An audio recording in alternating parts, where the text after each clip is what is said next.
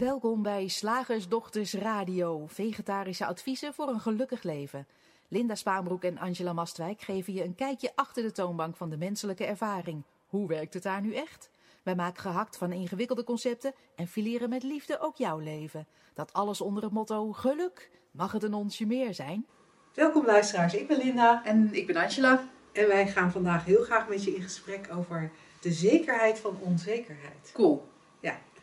Ehm, want ik, ik ben zonder enige vorm van overleg heb ik dit onderwerp voor vandaag op tafel gelegd. Nou, gooi hem erin. Eh, want ik had zoiets van, vermoedelijk voelt iedereen wel eens een vorm van onzekerheid opkomen.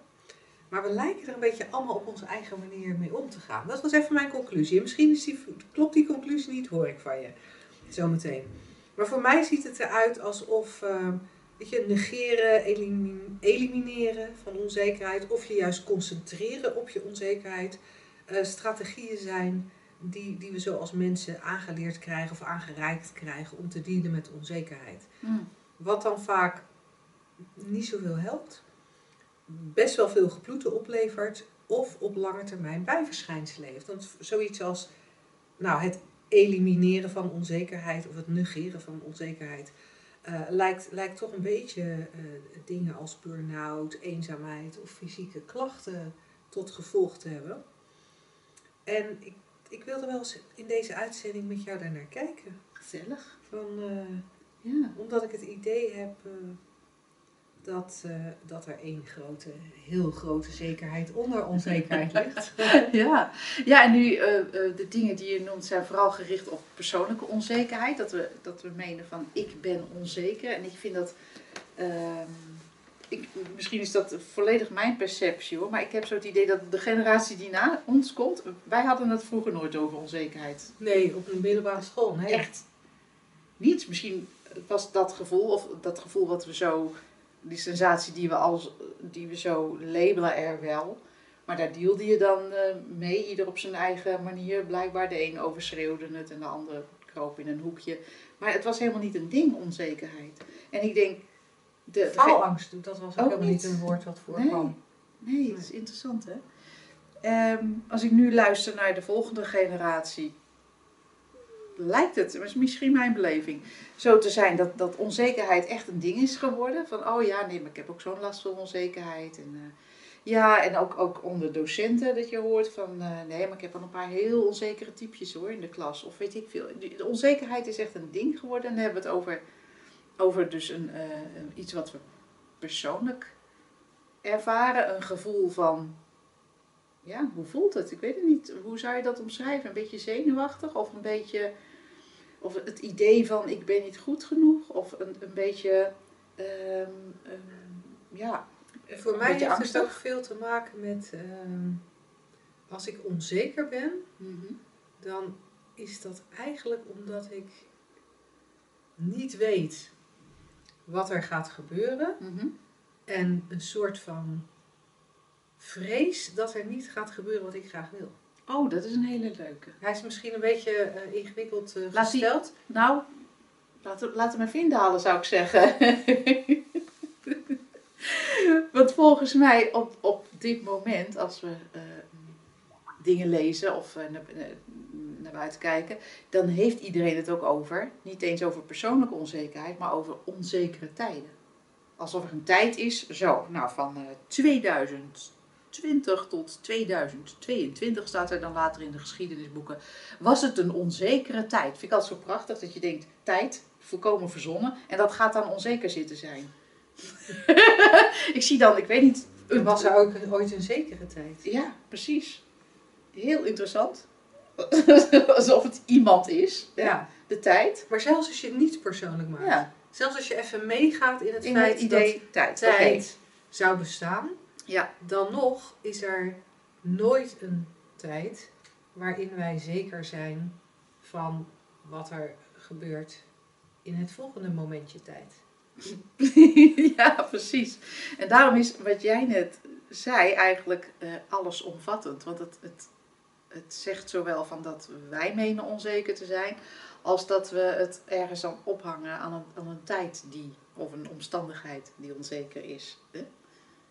Ja, want dat is ook interessant, want, zeg maar gewoon nu, in dit moment, zittend op deze stoel, met dit kopje thee in mijn handen, is er geen enkele onzekerheid. Tot, ik tot het moment dat er gedachten opkomen over als de luisteraars dit straks maar niet raar, een rare opmerking vinden.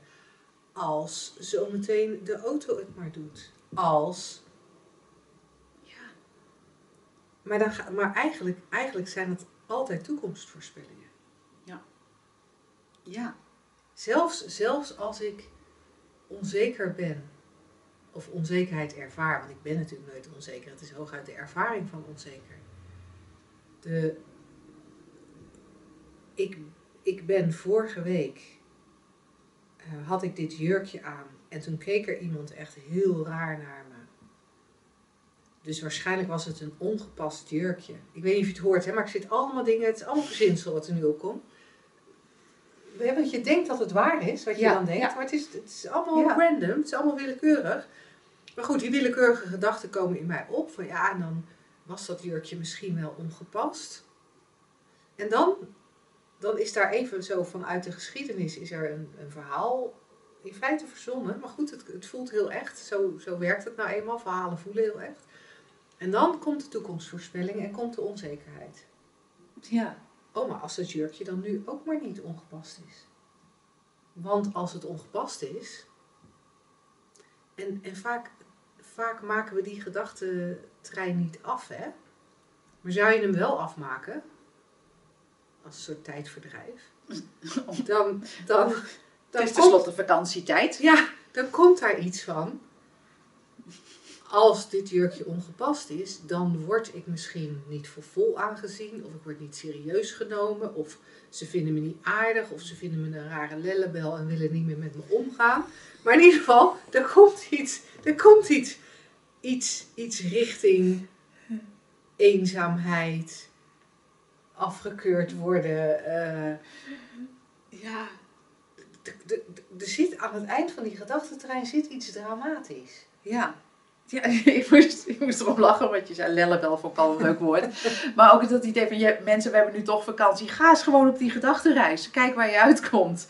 En dan inderdaad is het vaak bij dat soort, bij dat soort dingen, ik ben niet goed genoeg. Maar we zeggen ook, Linda, van, ehm, dat bijvoorbeeld opmerkingen van andere mensen of gebeurtenissen ons onzeker maken. Vind ik ook een hele interessante.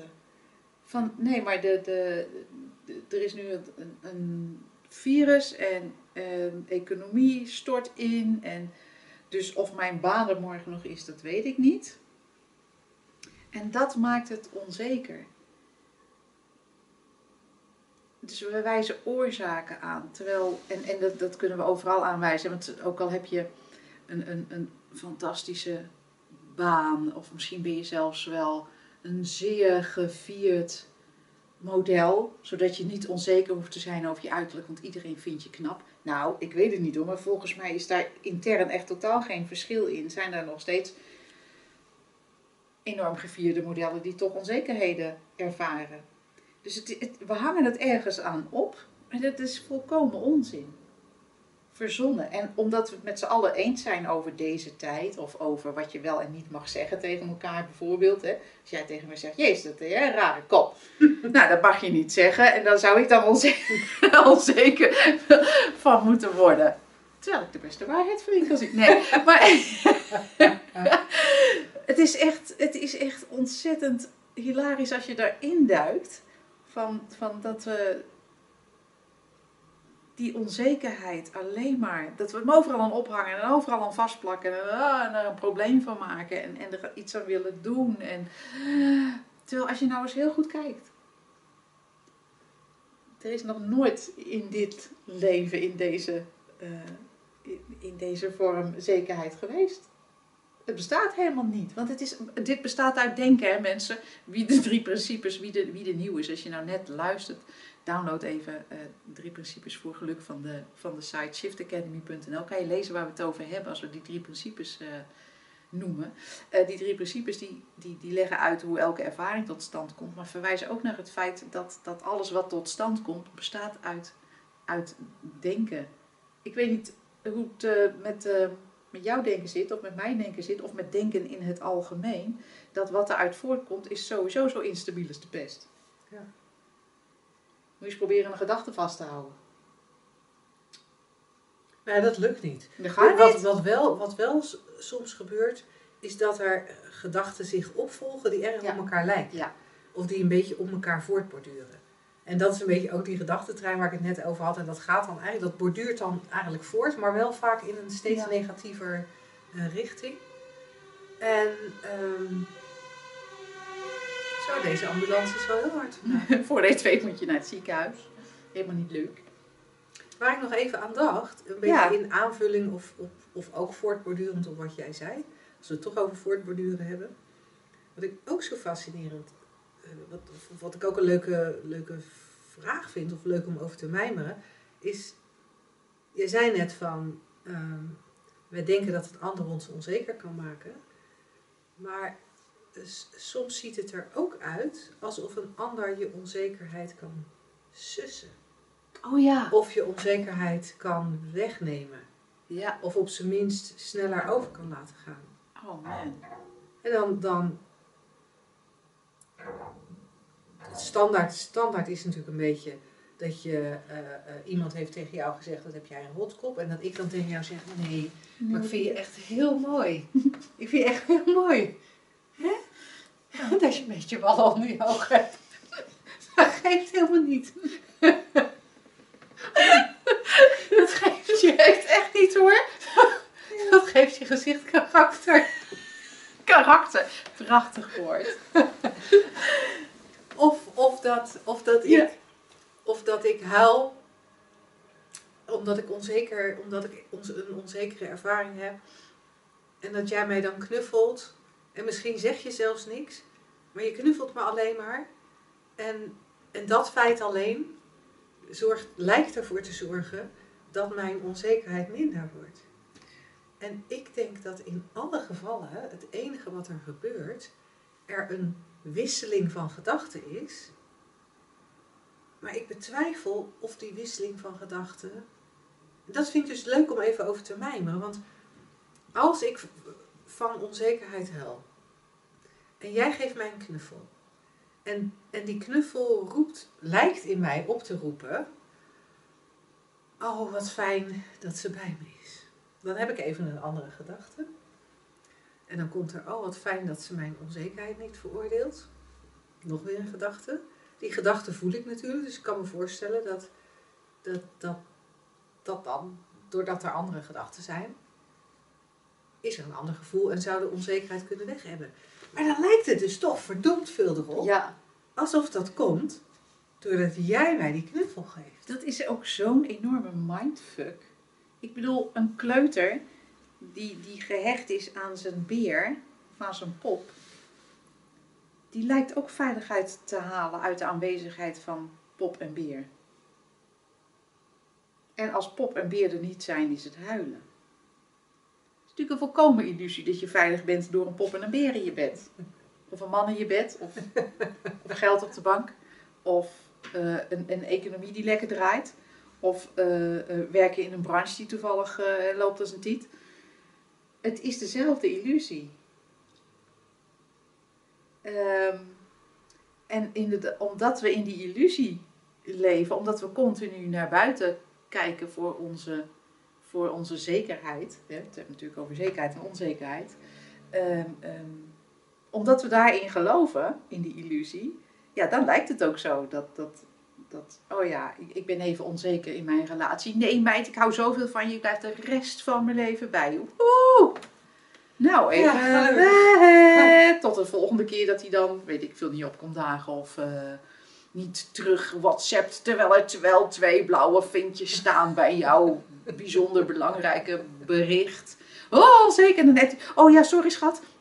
Maar ik, eh, ik mo- moest even mijn eh, telefoon uitzetten, want vergadering en het was net nadat ik jouw appje had gelezen. Oh, gelukkig heb ik weer even zekerheid. Het is, dat is zo'n oneindig, oneindige ehm, illusoire toestand. En, en wat ik er ook een beetje in meen te zien, is dat überhaupt het nadenken over dat deze onzekerheid er is en dat, en dat, dat die minder lijkt te worden als jij mij knuffelt of wat dan.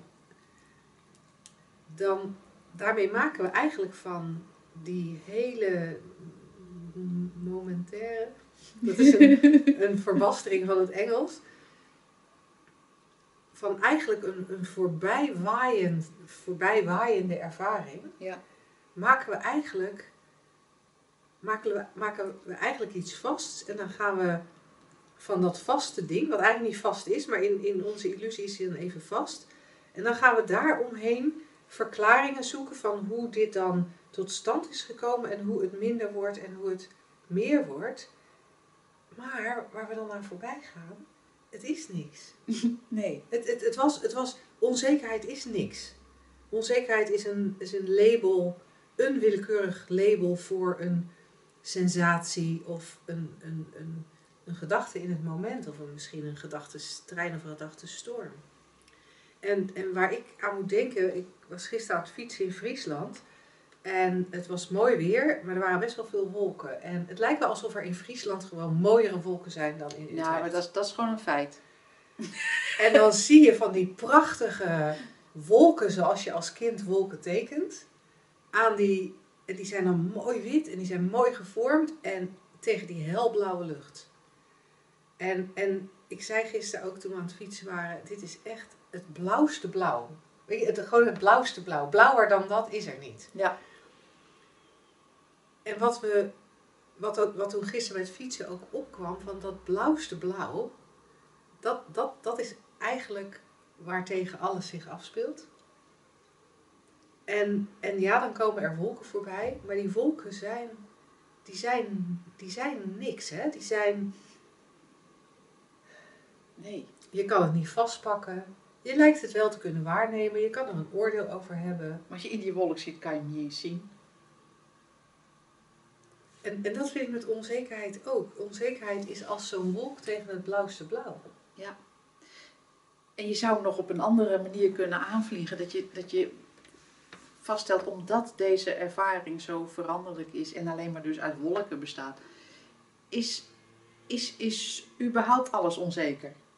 En als je daar dan heel bang van wordt, kan je de volgende stap nemen en je realiseren, oh, maar dat blauwste blauw waartegen het zich afspeelt, dat, dat is mijn ware natuur. En dat is ook mijn, mijn enige zekerheid. En dat is ook gelijk de enige zekerheid. Dus, dus je vindt nooit zekerheid in de vorm. En het blauwste blauw is er achter de wolken altijd. Zeg Ja. maar als metafoor, hè? Ik Als bedoel, metafoor. Meteorologisch klopt die misschien niet helemaal, maar als metafoor is het blauwste blauw er altijd, zodra de wolken wegtrekken. Ja. En daar, en daar zit een zekerheid. Daar zit. Ja. Ik gebruik daar vaak het woord constante voor. Er is die constante, dat wat er altijd is, die ware natuur, zoals jij er vaak naar verwijst. Dat, dat wat je werkelijk bent, en dat zijn niet je gedachten, dat is niet je gedrag, dat is niet je lijf. Dat wat je werkelijk bent, dat, dat is de enige zekerheid die je hebt. En, en dat is wat mij betreft dan ook de zekerheid van onzekerheid. Ja, precies. dat je midden in al die ervaringen, hè, met- met welk weer dan ook, dat dat daaronder ligt dat besef van het eeuwige of het, de constante zoals jij, eh, zoals jij noemt. En daarin eh, zijn we veilig. Zeg, slagersdochters, hoe bak ik die vegaburger? Over naar de luisteraarsvraag. De vraag van vandaag is door Hermina opgestuurd aan vragen.slagersdochters.nl. En ehm, zij schrijft: Net heb ik aan de workshop een frisse start deelgenomen. Superleuk en handig. In de laatste minuut schoot me ineens iets te binnen door een opmerking van Linda over iets niet goed zien omdat je je bril niet op had. Dit in het verlengde van een podcast waarin jullie, waar, van jullie waarin het ging over de samenhang tussen lichamelijke klachten en het denken. En ik dacht ineens, is het niet goed kunnen zien zonder bril nou ook een concept? Zo van, zonder bril slash lenzen kan ik niet goed zien, kan ik niet autorijden, rijden, kan ik niet lezen. En daarmee misschien iets dat je, dat je als een hete pook uit je handen kunt laten vallen en dat het er dan niet meer zou zijn. Net als sommigen dat met fysieke pijn kunnen. Is dat grappig om eens over te mijmeren? Ja, dat is super grappig. Ja, het is super grappig om over te mijmeren. Ja, en we kunnen. Ik wil even zo, een soort, soort disclaimer vooraf van. ehm, alles in de vorm is een gedachte, dus het hele lichaam. Het is zo, vaak zo verleidelijk om een onderscheid te gaan. eh, we gaan er verder over doormijmen hoor. Want het is echt te leuk om eh, te laten liggen, zo'n vraag. Maar eh, we zijn heel vaak geneigd om aan te nemen: oké, oké, oké, dat lichaam. Oh, maar wacht even, alles wat ik voel is gedachte. Dus ik moet anders denken, dan heb ik geen pijn in mijn knieën. Ik moet anders dit en dan heb ik geen. eh, en als ik anders denk, dan heb ik. eh, dan, dan, of als ik niet zou denken, dan zou ik helder zien. Ja. Nou, in overdrachtelijke Of, vorm vind ik dat wel waar trouwens. Als je niet zo denkt, kun je helder zien. Maar even in het fysiek, dan lijkt het alsof eh, ehm, als we gaan, gaan, gaan praten over eh, specifieke onderdelen van dat fysiek of specifieke gedachten, dan zitten we eigenlijk al een stapje in die illusie. Dus vandaar dat ik aan, bij aanvang van beantwoorden van deze vraag wil zeggen, de hele ervaring van je lichaam is een gedachte. Dat Ja. gezegd hebbend. Ja.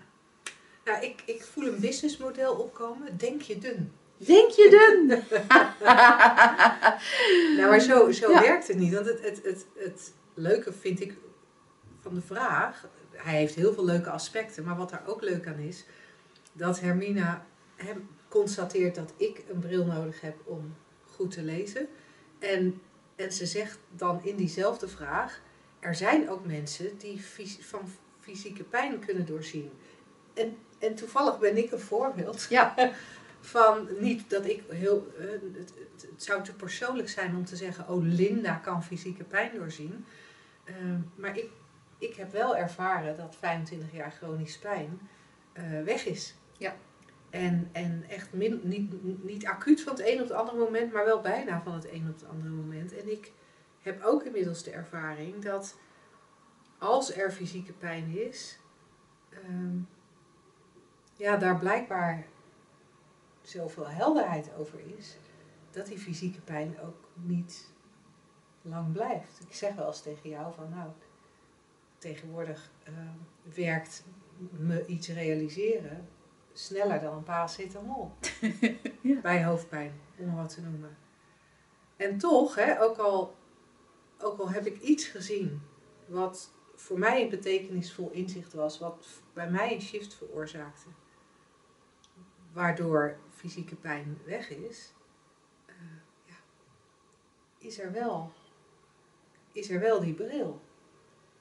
Ja, En wij hebben het er ook wel, we hebben het er ook wel eens over gehad. ja, omdat, zeker, Omdat ja. jij, jij hebt helemaal geen bril nodig, terwijl Nee. wij van dezelfde leeftijd zijn. En er wordt vaak een link gelegd tussen leeftijd en met, met name het nodig hebben van een leesbril. Ja.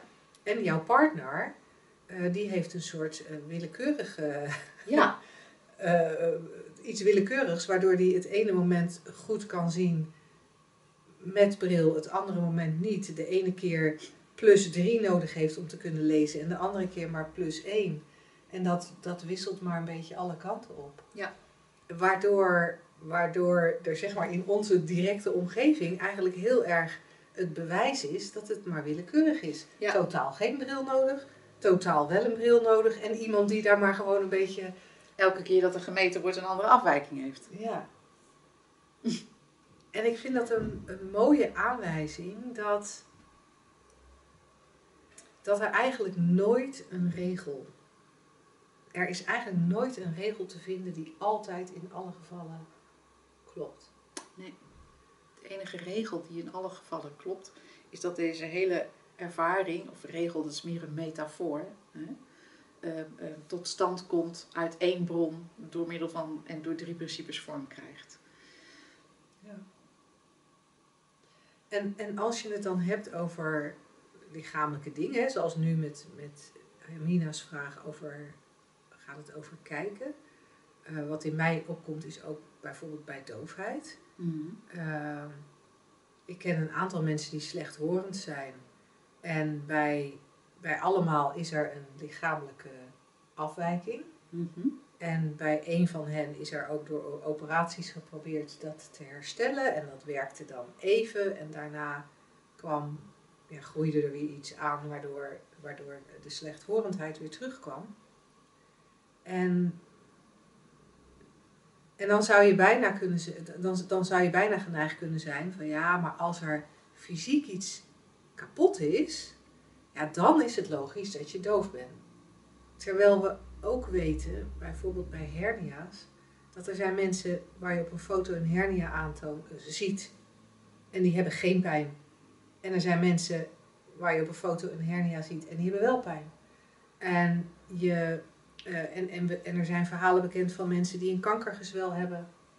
Of er zijn zelfs mensen bekend die dan stage 4 kanker hadden. En waar de kanker weg is. Gewoon weg. En niet door ingewikkelde chemische chemotherapie en bestraling, maar gewoon weg. Eh, mensen waar een. Nou ja, nee, we kunnen, we kunnen heel veel Eindeloos. voorbeelden. Ja. maar Dat is denk ik niet waar het om draait. Er zit in die, ook in dat lijf,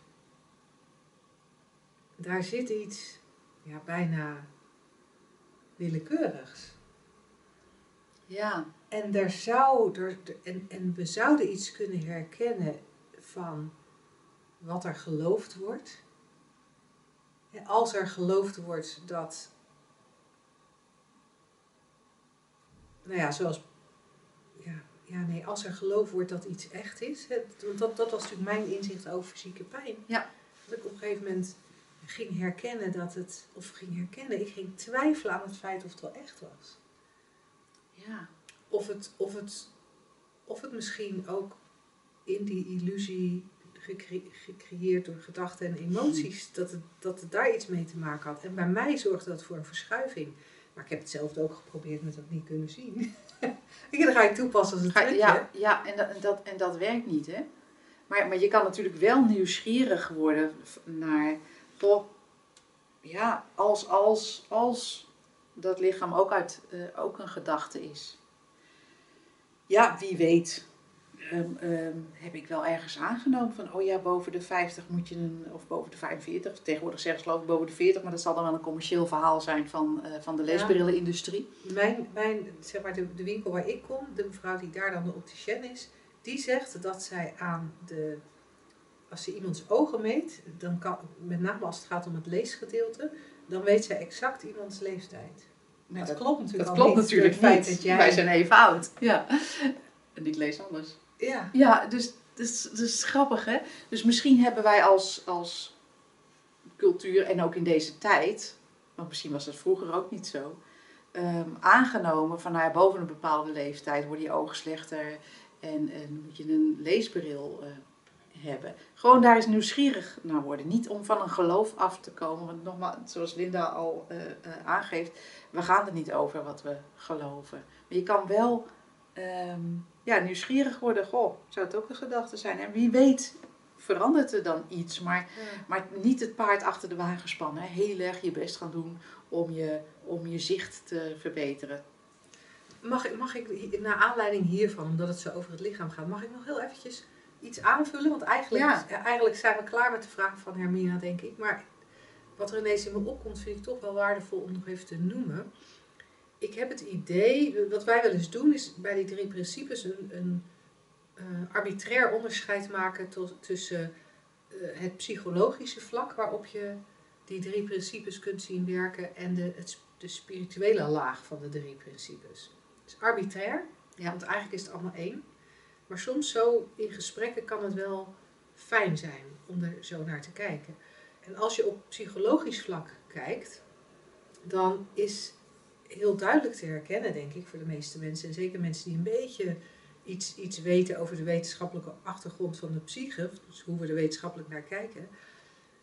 Op psychologisch vlak kun je herkennen dat denken geanimeerd wordt door het bewustzijn en dan, en dan komen er emoties en gevoelens. En dan is er ook te herkennen dat emoties de, de, de, de chemische fabriek van het lichaam van slag kunnen brengen of op hol kunnen laten eh, slaan. En als die chemische fabriek op hol slaat, dan, dan veranderen er dingen in het lijf. Mhm. Dan veranderen hormonen, dan verandert hartslag, dan kan spijsvertering veranderen, hart- en bloedvaten doen, andere dingen eh, kunnen vernauwen.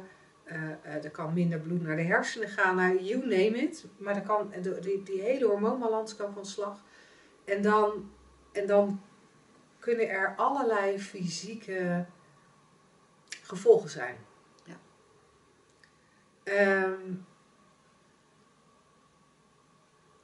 en dat is op dat psychologische vlak. Dus daar, daar zou je kunnen zeggen van ja, als er meer rust in het hoofd komt, als er minder geloof is in van alles en nog wat, dan, dan zou je verwachten dat de chemische fabriek weer teruggaat naar zijn oorspronkelijke eh, werking. Hè? Dat, dat, Ja. dat, er eigenlijk terug, dat je teruggaat fysiek naar de default setting. En dat dat allerlei positieve effecten heeft op het, eh, ja, op het fysiek. Mhm. En, en kijk je meer op die spirituele laag, dan kom je bij waar jij eigenlijk mee begon. Dat alles wat wij waarnemen over dat lijf, dus ook die chemische fabriek, eigenlijk allemaal in die illusie is. Dat, dat vanuit dat niks of dat alles of die bron of die energie, hoe we het ook noemen, creëren die drie principes een ervaring. En wat er gecreëerd wordt, is de ervaring van een lijf. Wat er gecreëerd wordt, is de ervaring van een chemische huishouding in dat lijf. Ehm, maar eigenlijk is het lijf. Het lijf is al after creation, zoals Ja. Sid Banks dat zei.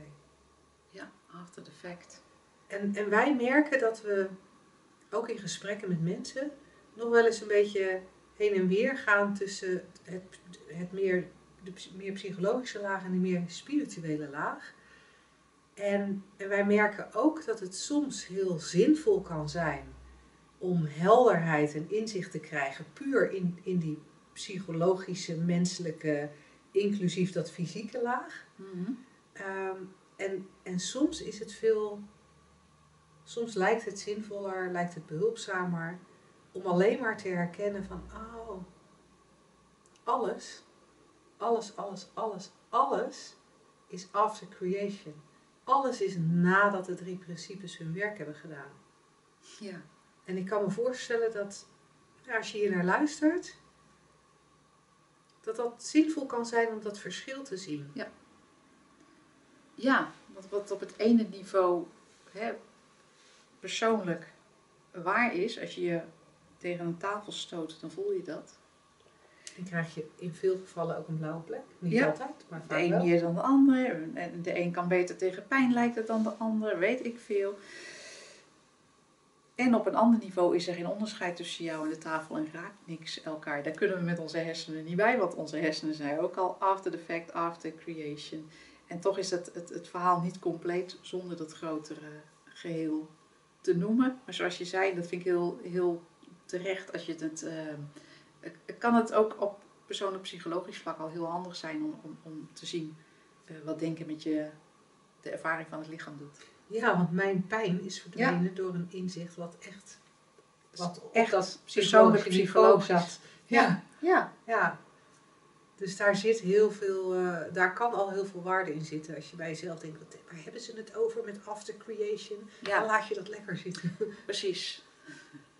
Tot zover de vraag. Ik hoop dat je daar, nou ja, dat dat een beetje eh, een, leuke mijmering was over jouw vraag, Ina. En ehm, eh, stuur vooral je vragen in. Nogmaals, vragen slagersdochters.nl. Fijne vakantie!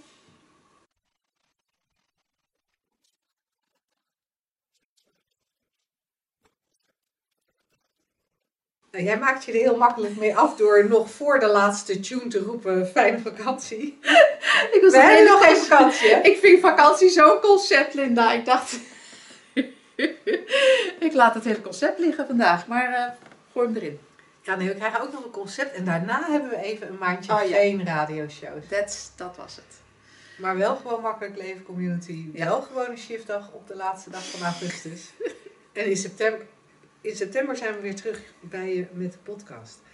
Ehm, nog even een, eh, het, het concept. Ehm, van ingestuurd door Beatrice. Dat is heel leuk. We krijgen tegenwoordig ook veel concepten toegestuurd van mensen. Ja. Niet alleen vragen, maar ook concepten. Geinig. En ehm, haar, eh, het concept dat Beatrice instuurt is het in fi- figuurlijke zin buigen voor iemand of buigen voor iets. Oh ja, dat is ook heel spiritueel. Ja? Oh, dan- Ja. Daar moet jij mij dan meer over vertellen. Ja. Zoals je weet is dat niet mijn, eh, Nee. mijn ding. Ja, dat, je, dat, je, eh, eh, dat er iets gebeurt waarvan je denkt, ja, hoe raak ik het netjes zeggen? Hé, hey, jammer nu. Ja. Wat je echt een- een niet wil en, en dat je daar eigenlijk voor het leven dan moet buigen. Als, dat is een soort alternatieve omschrijving voor accepteren of omarmen of... ehm, ehm, nou, dat. Maar, maar wat, zit, wat is er dan met, met dat je moet buigen voor Nou, iemand? Dat je erkent, nou het is meer voor iets hè, het is in overdrachtelijke zin. Mhm. Maar het zou ook voor iemand kunnen zijn die sterker lijkt dan jij, of weet ik veel. Ehm, dat je eigenlijk je eigen nietigheid erkent in het grotere geheel. Ja, het is echt heel, eh, heel mooi. Dat je erkent dat jij hier niet over gaat.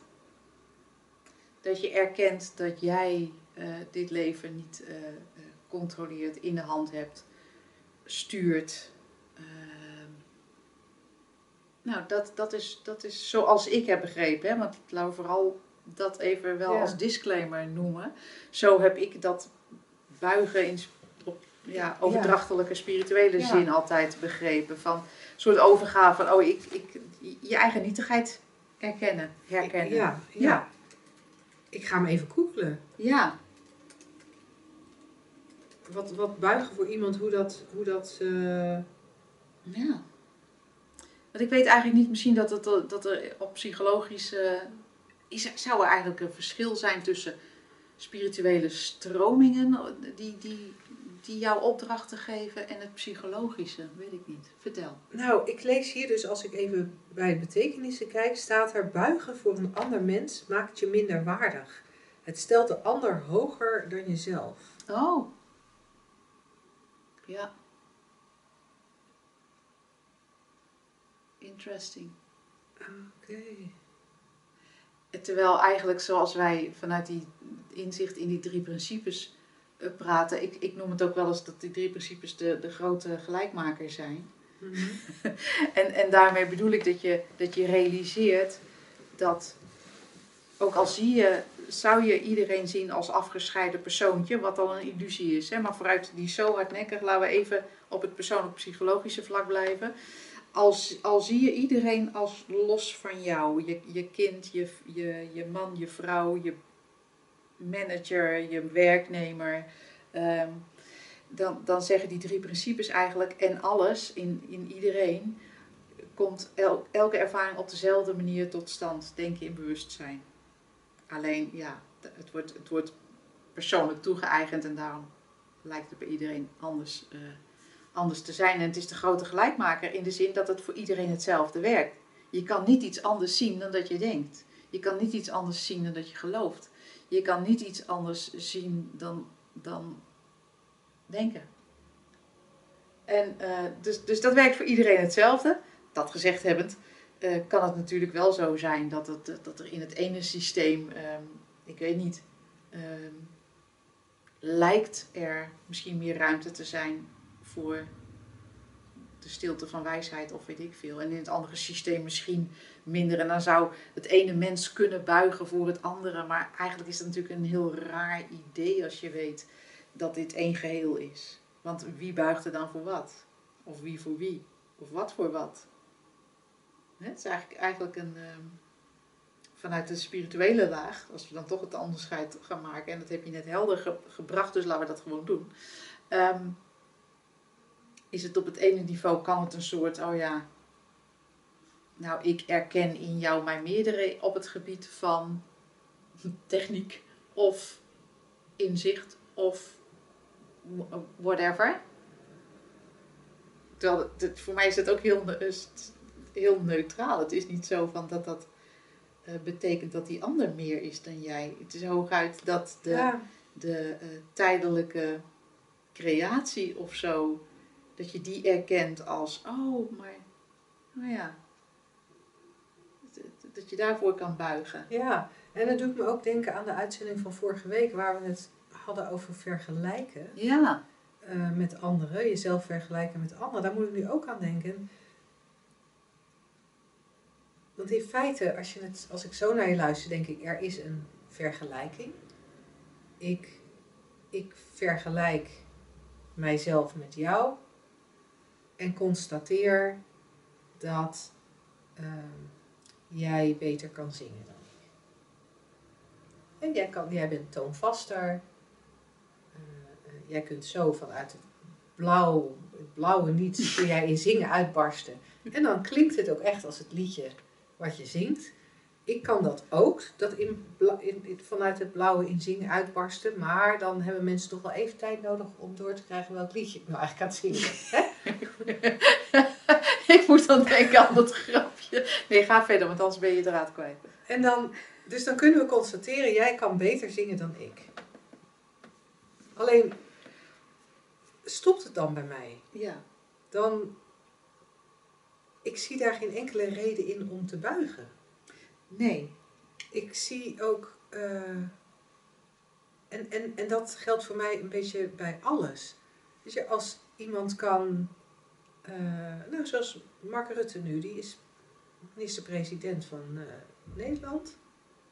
Nou, dat kan hij heel goed. Ik, ik zou het niet kunnen. Het- ik, nee, ik zou, weet je, ik, ik, ik was een, een scharrelmoeder of een, een moeder van scharrelkinderen. Dus ik zou ook de burgers allemaal laten scharrelen.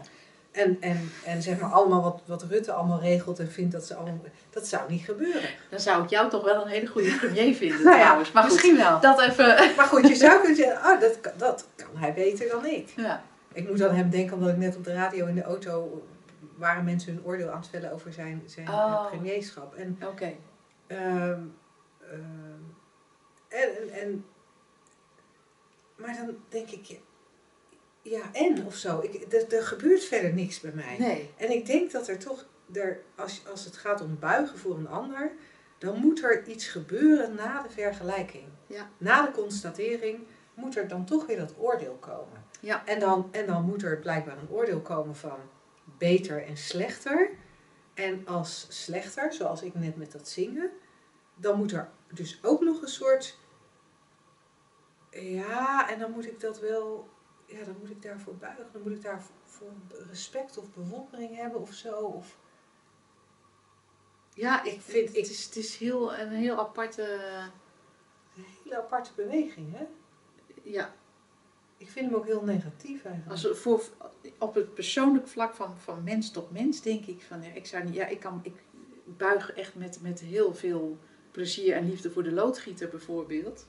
Want die kan dingen echt die ik niet kan. Die ik ook niet wil trouwens. Maar, weet je...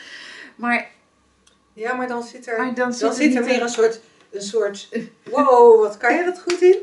Ja, meer een Nou- soort bewondering dan, dan dat ik mezelf eh, daar, daar minder van. Nee. Dus alleen in de, in, de, in de betekenis van buigen voor het leven zou ik hem nog enigszins. Dat je denkt, ja. Maar ja, het is, een, Zelfs dat, ik vind het is een overbodige beweging natuurlijk. Als je Ja. weet dat jij het leven bent. En niet dat jij daar los van bent. Want dus, dus wie buigt er dan voor wat? Nee, want zelfs bij buigen voor het leven, dan krijg je, dan krijg je toch ook weer een soort opdracht. Ja.